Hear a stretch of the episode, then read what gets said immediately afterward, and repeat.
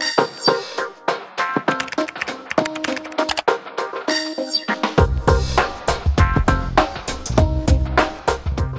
күндө интернетсиз уюлдук байланыштарсыз жашоону элестетүүнүн өзү мүмкүн эмес. Айтор интернет адам затынын жашоосунун маанилүү бир бөлүгүнө айланып калгандай.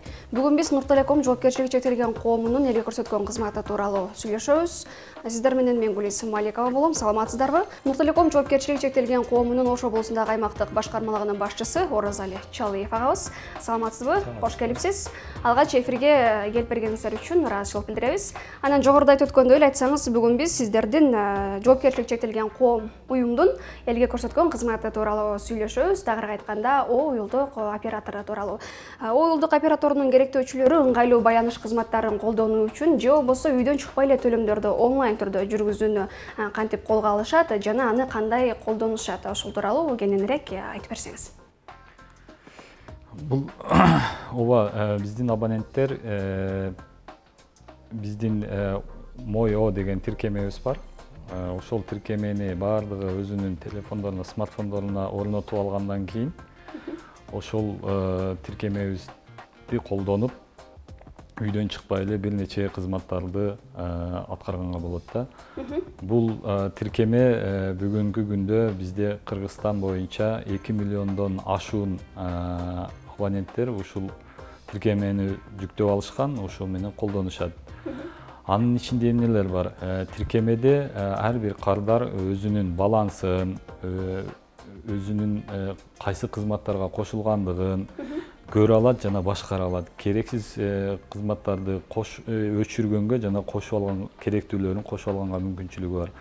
Андан сырткары ошол эле тиркеменин ичинде биздин о деңги деген мобилдик капчыгыбыз бар да. Ошол мобилдик капчык менен дагы колдоно алышат. Мобилдик капчыкта миңден ашуун кызматтарга коммуналдык кызматтарга жана башка карта ошол эле капчыктан банктагы карталарына же карталарынан капчыкка акчаларды которуп жүктөп алганга мүмкүнчүлүгү бар. Э, демек атайын бир мобилдик тиркеме аркылуу абоненттер керектөөчүлөрүңүздөр э, кеңири үйдөн чыкпай эле өзүнүн тиешелүү маселелерин чечсе болот э. Азыр ошол тиркемени өзүңүз көрсөтүп бере аласызбы? Мисалы биз бир эле маселени. могул телефондон мен азыр көрсөтүп берем. Могул мой о деген биздин ушул тиркеме. Тиркеме бар. Тиркемеге телефонго жүктөп алгандан кийин ошону ачып кирет. Ал өзү ар бир абонент өзүнө э, ыңгайлуу э, жашыруун код коюп алат. Же болбосо э, сыр сөз э сыр сөз коюп алат. Же болбосо азыркы телефондордо мүмкүнчүлүк бар. Ушул колдогу ийиздер менен да ачат да. Ачып мунун ичине киргенде могу жеке кабинет бар. Жеке кабинеттин ичинде тарифтерди кызматтарды жана дагы өзүнүн акчасын каяка жумшагандыгын кимдерге чалгандыгын эмнеге жумшагандыгын детализациясын ачып көрсө болот андан сырткары экинчи жагында о деңги деген биздин бул мобилдик капчыгыбыз бар. Бул капчыктын ичинде ошол жанагы эле капчыкты атайын барып биздин терминалдардан же биздин кеңселерибизден балансын толтуруп алат дагы ичиндеги акча менен керектүү кызматтарга акчасын төлөсө болот же болбосо башка бир кардарга акчасын которуп койсо болот.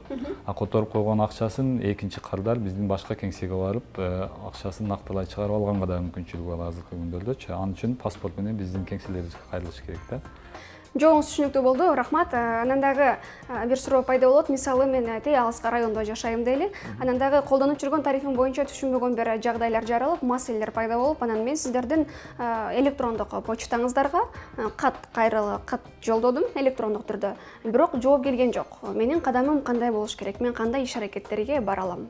Маселемди чечиш үчүн биринчиден э, алыскы аймакта жашаган тургундар үчүн э, ошол эле жанагы биз айткан мой о тиркемесинде баардык суроолоруна жооп тапса болот өзүнө керектүү кызматтар боюнча тарифи боюнча эгерде ал тиркемедеги эмелер кызматтарга же бир кандай бир түшүнбөгөн суроолор пайда болуп бизге кайрылыш керек болуп калган болсо анда биздин кардарларды тейлөө борборунун номерлерине чалып кайрылса болот да. Мисалы үчүн алыскы абоненттер нөл жети нөл жети номерине чалса ошол жерден биздин адистерибиз телефон аркылуу суроолоруна жооп беришет. Ал бул күнү түнү иштейт да. Демек абоненттин маселесинин көлөмүнө жараша чечилеби же болбосо ошол кайрылган убакта эле маселеси чечилип кайрылган убагында эч жакка барбайбы баардык суроолоруна кайрылган убагында жооп бергенге аракет кылабыз ордунда эле чечилет. Демек э, алыскы райондо жашаган биздин жашоочулар э, кандайдыр бир колдонуп жүргөн тарифи боюнча маселелер жаралган болсо оолдук операторунун электрондук дарегине кат жолдосо э, сиздердин калкты тейлөө борбору сөзсүз түрдө баатыкчан жооп берет э. дарегибизде мисалы үчүн пиар маймылча нур телеком чекит kg деген сайтыбыз бар. Ошого кат жолдосо да болот. Демек кат түрүндө кайрылууну кааласа. Түшүнүктүү анан дагы көпчүлүк абоненттер бирдиктери түгөп калган учурда кайра бирдиктерин толуктаганда эч кандай эскертүүсүз эле биздин акчабызды алып коюшат. Анан дагы биз колдонуп жүргөн тарифибизди дагы эч кандай эскертүүсү жок эле башка тарифке которуп коюшат. Эмне үчүн деген суроолор дагы көп экен. Буга кандай сиздер комментарий бересиздер? Э, бул э, тарифтер боюнча кыргыз республикасынын мыйзамдарына ылайык ар бир оператор өзүнүн тарифтерин өзү аныктайт жана өзү белгилейт да. Анан э, жанагыдай эскертүүсүз э, өзгөртүп коет деген э, бул туура эмес болуп калат. Анткени эгерде бир кайсы бир себептер менен биз тарифтердин шарттарын өзгөрткөн болсок ал жөнүндө биздин абоненттерибизге он күн мурда смс аркылуу кабар жиберебиз. Кабарды бир эле жолу эмес бир нече жолу эки же үч жолу жиберебиз да сөзсүз түрдө андан кийин э, бул жөнүндө маалымат бул жанагы мамлекеттик эркин тобо газетасына жарыяланат. Андан соң гана биз эгерде тарифтерди өзгөртө турган болсок өзгөртөбүз. Тарифтерди э, эмне үчүн өзгөртөбүз? Э, көпчүлүк учурда мунун себептери көп. Биринчиден ушул өлкөдөгү экономикалык абалга байланыштуу болот доллардын курсуна байланыштуу болот. Э, андан сырткары абоненттердин жанагы интернетти колдонуусу э, күн өткөн сайын өсүүдө да азыр. Э, бир абонентке биз кандайдыр бир суммадагы акчага белгилүү бир гигабайт интернеттерди берсек эгерде ошол биздин абоненттерге жетпей аткан болсо анда биз абоненттик төлөмдү бир аз көтөрүү менен гигабайттарды көбөйтүп беришибиз мүмкүн да. Ушундай учурларда тариф өзгөрөт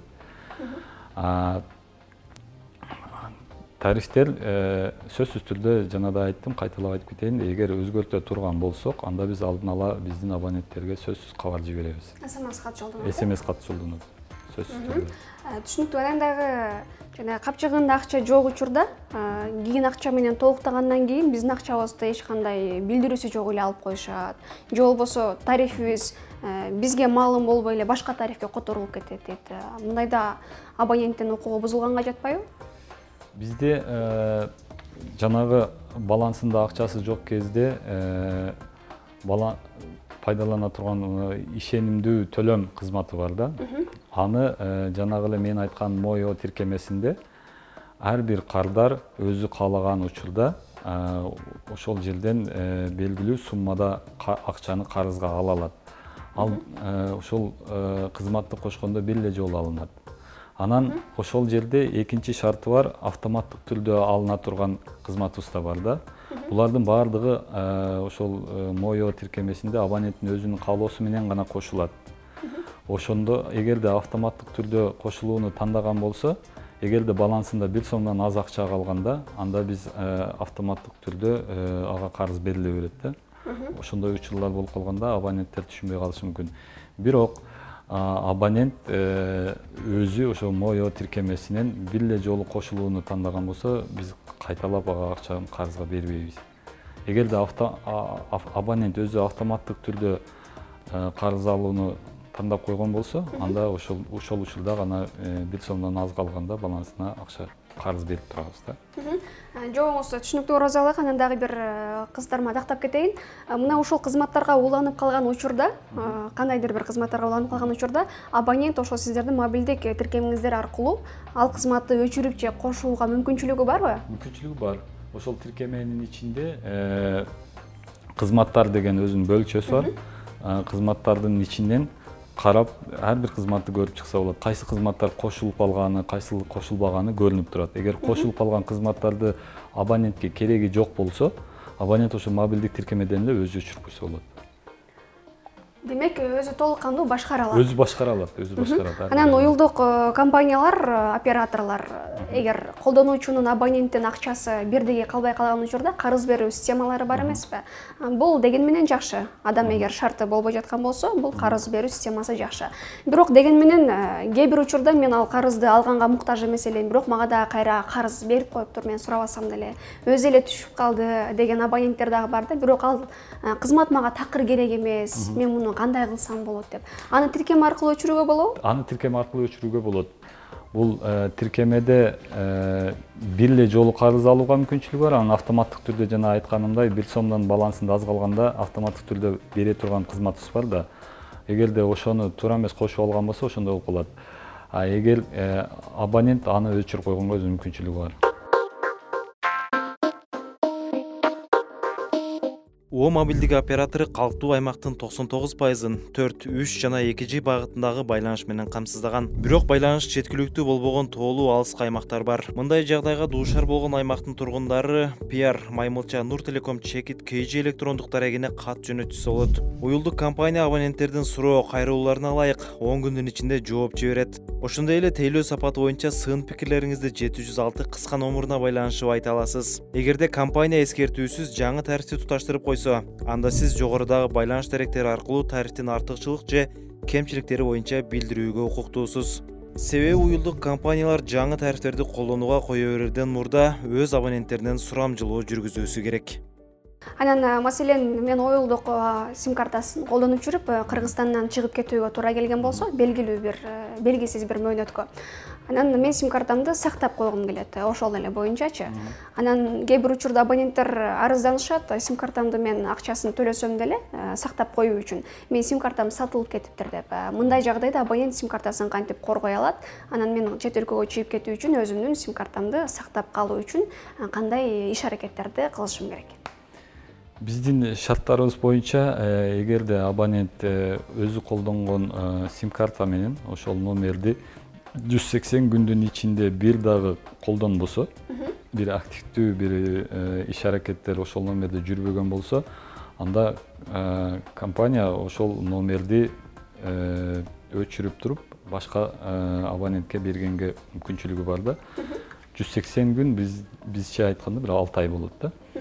Ошондо э, сим картасы күйүп кетпеш үчүн э, абонент э, эгерде көбүрөөк мөөнөткө башка өлкөгө чыгып бараткан болсо бизде сейфтеги сим карта деген кызматыбыз бар. Ошону жанагы эле мобилдик тиркемеге келтирип кошуп койсо ага кошулуунун баасы он сом болот. Күнүмдүк абон платасы токсон тогуз тыйын болот да шарттуу түрдө. Эгерде канча күн жок болсо ошол балансынан ошол акча алынып турат. Эгерде балансында акча жок болуп калган болсо качан акча болгондугуна э, ошол токсон тогуз тыйын бир күндүк абон платасы алынат. Абоненттик төлөмү. А эгерде абоненттик төлөмү төлөнбөй калса ал кызматка кошулгандан кийин ошол акыркы төлөнгөн күндөн баштап жүз сексен күндүн ичинде кайрадан дагы сим картасы күйүп кетүү э, мүмкүнчүлүгү бар да.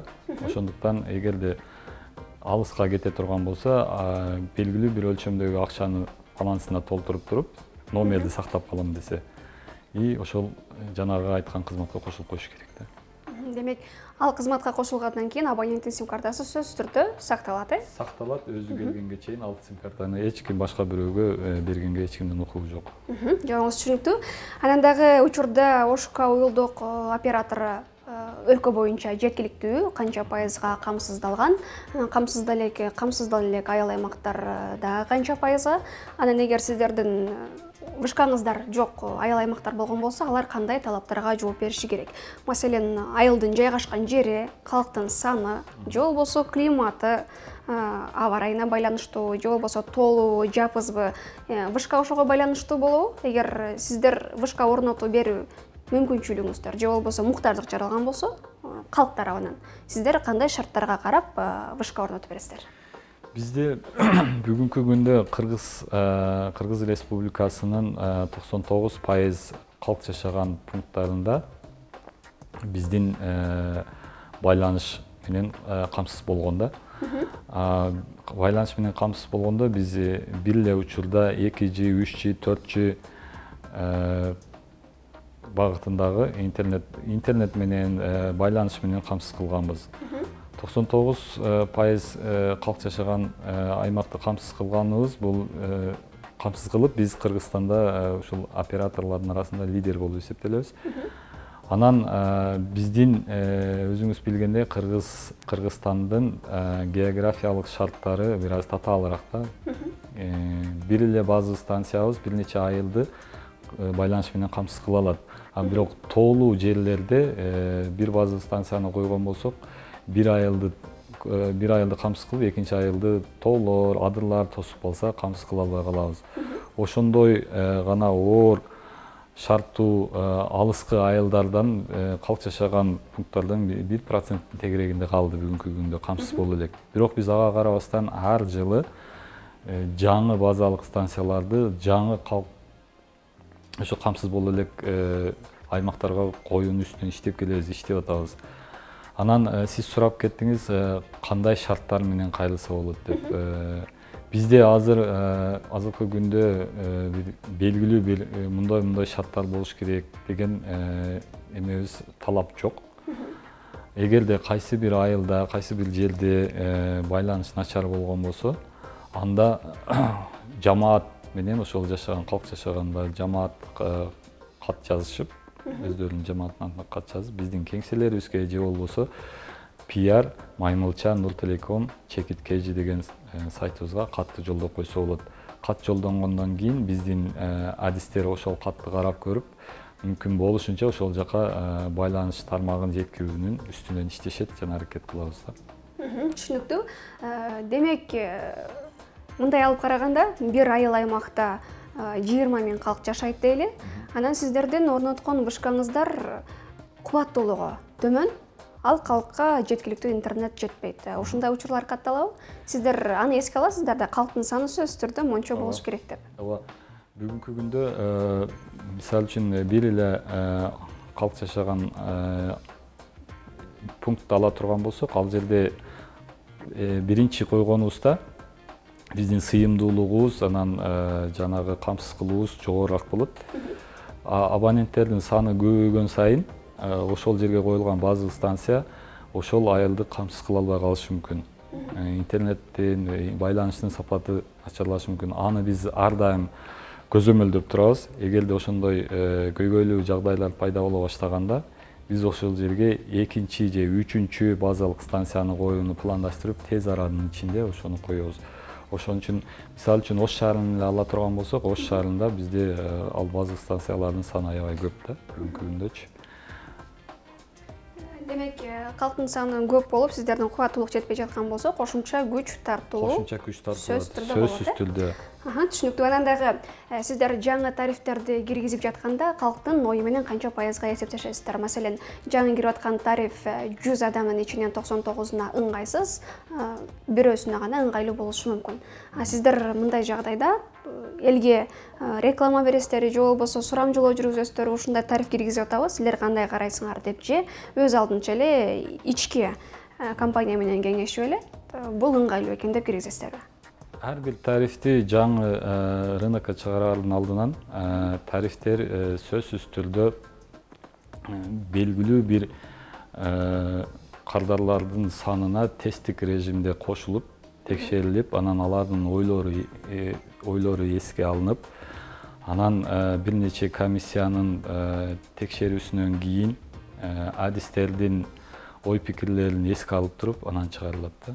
Демек калкка суромжулоо жүрбөйт э? Суромжулоо жүргүзүлөт. Калкка эми кыргызстанда алты миллион эл болсо алты миллион элдин баарынан сурай албайбыз да. Биз ошон үчүн белгилүү бир чектелген сандагы абоненттерге убактылуу ушул жаңы тарифтин шарттарын кошуп көрөбүз. Кошуп көрүшүбүз мүмкүн да тесттик режимде. Алар колдонуп көрүп туруп өздөрүнүн жеке оюн айтат. Андан сырткары бул маркетинг кызматында иштеген биздин адистерибиз сөзсүз түрдө булар суромжулоо жүргүзүшөт. Түшүнүктүү. Абонентке кандай тариф ыңгайлуу болот? Ошолордун оюн эске алып туруп ошонун негизинде гана анан жаңы тарифтер чыгарылат да. Ошол эле кезде базар шарты кандай болуп атат? Башкаларда кандай тарифтер бар? Ошолор да эске алынат да дегеним сиздер э, тарифти өз алдынча эле кеңешип э, киргизгенден кийин ал токсон тогуз адамга ыңгайсыз мага гана ыңгайлуу болуп калышы мүмкүн да. Ошондой жагдайда э, сиздер бир чечим чыгарып буну элге электрондук түрдө сурамжылоо жүргүзүп телеканалдарданбы же болбосо социалдык баракчаларданбы сурамжылоонун негизинде анан ал тарифти киргизгенге мүмкүнчүлүк болбойбу деген суроо мүмкүнчүлүк болот мүмкүнчүлүк болот. Эгерде биз андай кылбай туруп эле тарифти базарга сунуштай турган болсок анда ал тарифтен бизге эч кандай пайда жок болуп калат да. Элге жакпаган тарифти биз элге берген болсок ал өзү эле э, билинет да бизге. Бул тарифтен бизге эч кандай пайда жок экенин э, абоненттер аны колдонбой коет. Ошон үчүн биз ар дайым абоненттерге ыңгайлуу колдонгонго жакшы шарттары менен тарифтерди жасаганга аракет кылабыз түшүнүктүү. Анан дагы биз э, сизди конокко чакырганга чейин э, биздин калктан абоненттерден керектөөчүлөрдөн сурамжылоо жүргүзгөнбүз. Ошол сурамжылоонун жыйынтыгы менен келген суроолорду мен сизге узатсам хбк кичи районунун дейт э, салиева отуз сегиз отуз тогуз кырк кырк бир кырк эки кырк эки а кырк эки б көп кабаттуу үйлөрүндө интернеттин ылдамдыгы өтө начар дейт. Биз абоненттер айтат акчасын төлөйбүз интернетке жетиштүү төлөйбүз. Биз смс жазыш наракта турсун видео көрүш наракта турсун смс кат жаза албайбыз. Ал смсыбыз кеткенге чейин дагы беш мүнөт өтөт. Аябай эле ылдамдык начар.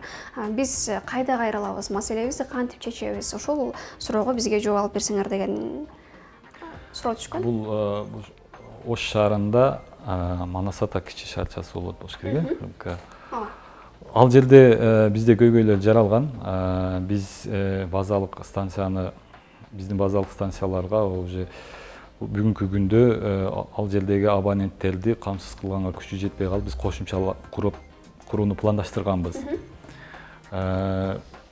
Анан дагы бир жерде азыр ош шаарында аябай көп курулуш иштери жүрүп атпайбы жаңы үйлөр кээ бир жерлерде. Жаңы үйлөр курулганда биз ошол жердеги базалык станцияны мажбур жылдырганга мажбур болуп калып атабыз да. Эгерде биздин база станция турган жерге жанына көп кабаттуу чоң бийик имарат үй курулган болсо ал биздин база станцияны тосуп калат. Ошондой көйгөйлөр жаралган ошол манас ата кичи шаарчасында ошондуктан биз аларды тез арада башка жерге көчүрүп э, жаңы орноткондун үстүнөн иштеп атабыз. Ошол убакта ушундай проблемалар пайда болуп калып атат. Азыркы бул манас ата кичи шаарчасындагы көйгөйлөр бизге белгилүү. Биз анын үстүнөн иштеп жатабыз тез аранын ичинде чечилет буюрса эгерде жакын арада дагы чечилбей калган болсо ушундай көйгөйлөр жаралган болсо анда биздин ошол ош шаарындагы масалиева проспектисинде э, кеңсебизге келип э, арыз менен кайрылып коюшса болот да. Түшүнүктүү дагы кошумча суроо. Мына ушул абоненттер акчасын убагында төлөп интернет үчүн белгилүү бир жумалыкпы бир айлыкпы акчасын төлөп бирок жеткиликтүү интернет ала албай жатканда абоненттердин укугу бузулганга жатпайбы? Абоненттердин кадамы кандай болуш керек? Же сиздер кандайдыр бир чара көрөсүздөрбү же болбосо кошумча вышка орнотуу иштери жүрөт деп атпайсызбы? Ооба ал канча убакыттын аралыгында чечилип калат? Э, негизинен э, эгерде кандайдыр бир чоң көйгөй жаралган болсо биз аны алдын ала пландаштырып алдын ала чечебиз абоненттерде көйгөй пайда болбош үчүнчү. Анан кээ бир учурда болуп калат э, кыска мөөнөттүү авариялык иштер жүрөт да э, кээде мына электр энергиясы өчүп калышы мүмкүн. Же болбосо ар бир база станциялык база станция э, бири бирине өткөн байланыш мурда радио байланыш болсо азыр биз оптикалык байланыш менен байланыштырганбыз да. Ошол кабелдерибиз үзүлүп калган болсо ошону авариялык кызмат барып улаганга чейин гана ошондой кыска мөөнөттүү интернет жеткиликтүү болбой калышы мүмкүн да. Бирок мындай чоң көп мөөнөткө чейин э, иштете албай кала турган учур пайда болду элек азырынча. Мисалы маселен мен ошол айыл аймакта округда жашасам арыз менен сиздерге кайрылсам канча күндө жооп ала алам эгер абонент кайрылган болсо биз өтө тез э, кыска мөөнөттүн ичинде жооп бергенге аракет кылабыз. Он күндүн ичинде жооп беребиз. Демек ал маселенин көлөмүнө байланыштуу болот э? Ооба. Маселе дегенде баягы эле интернеттин ылдамдыгы. Мүмкүн болушунча ушу бир эки күндүн ичинде эле жооп бергенге аракет кылабыз. Анан ушул маселеси маселеге байланыштуу да. Ашып кетсе он күндүн ичинде жооп беребиз жообуңуз үчүн рахмат. Бүгүн биз достор уюлдук операторлордун анын ичинде ошка уюлдук операторунун калка көрсөткөн кызматы тууралуу кенен сүйлөштүк. Сиздердин көйгөйүңүздөр же болбосо жаралган сурооңуздарга жооп алып бердик деген ишеничтебиз. Бүгүн биздин суроолорубузга жооп берген нур телеком уюлдук жоопкерчилиги чектелген коомунун ош облусундагы аймактык башкармалыгынын башчысынын орун басары оразали чалыев агабыз болду келип бергениңиз үчүн рахмат маалыматтар үчүн ыраазычылык билдиребиз ишиңизге ийгиликтерди каалайбыз достор биздин кийинки көрсөтүүлөрүбүз дагы пайдалуу темалардын алкагында болмокчу. Андыктан ар дайым биз менен бирге болуңуздар. Сиздер менен мен гулесим аликова болдум. Көрүшкөнчө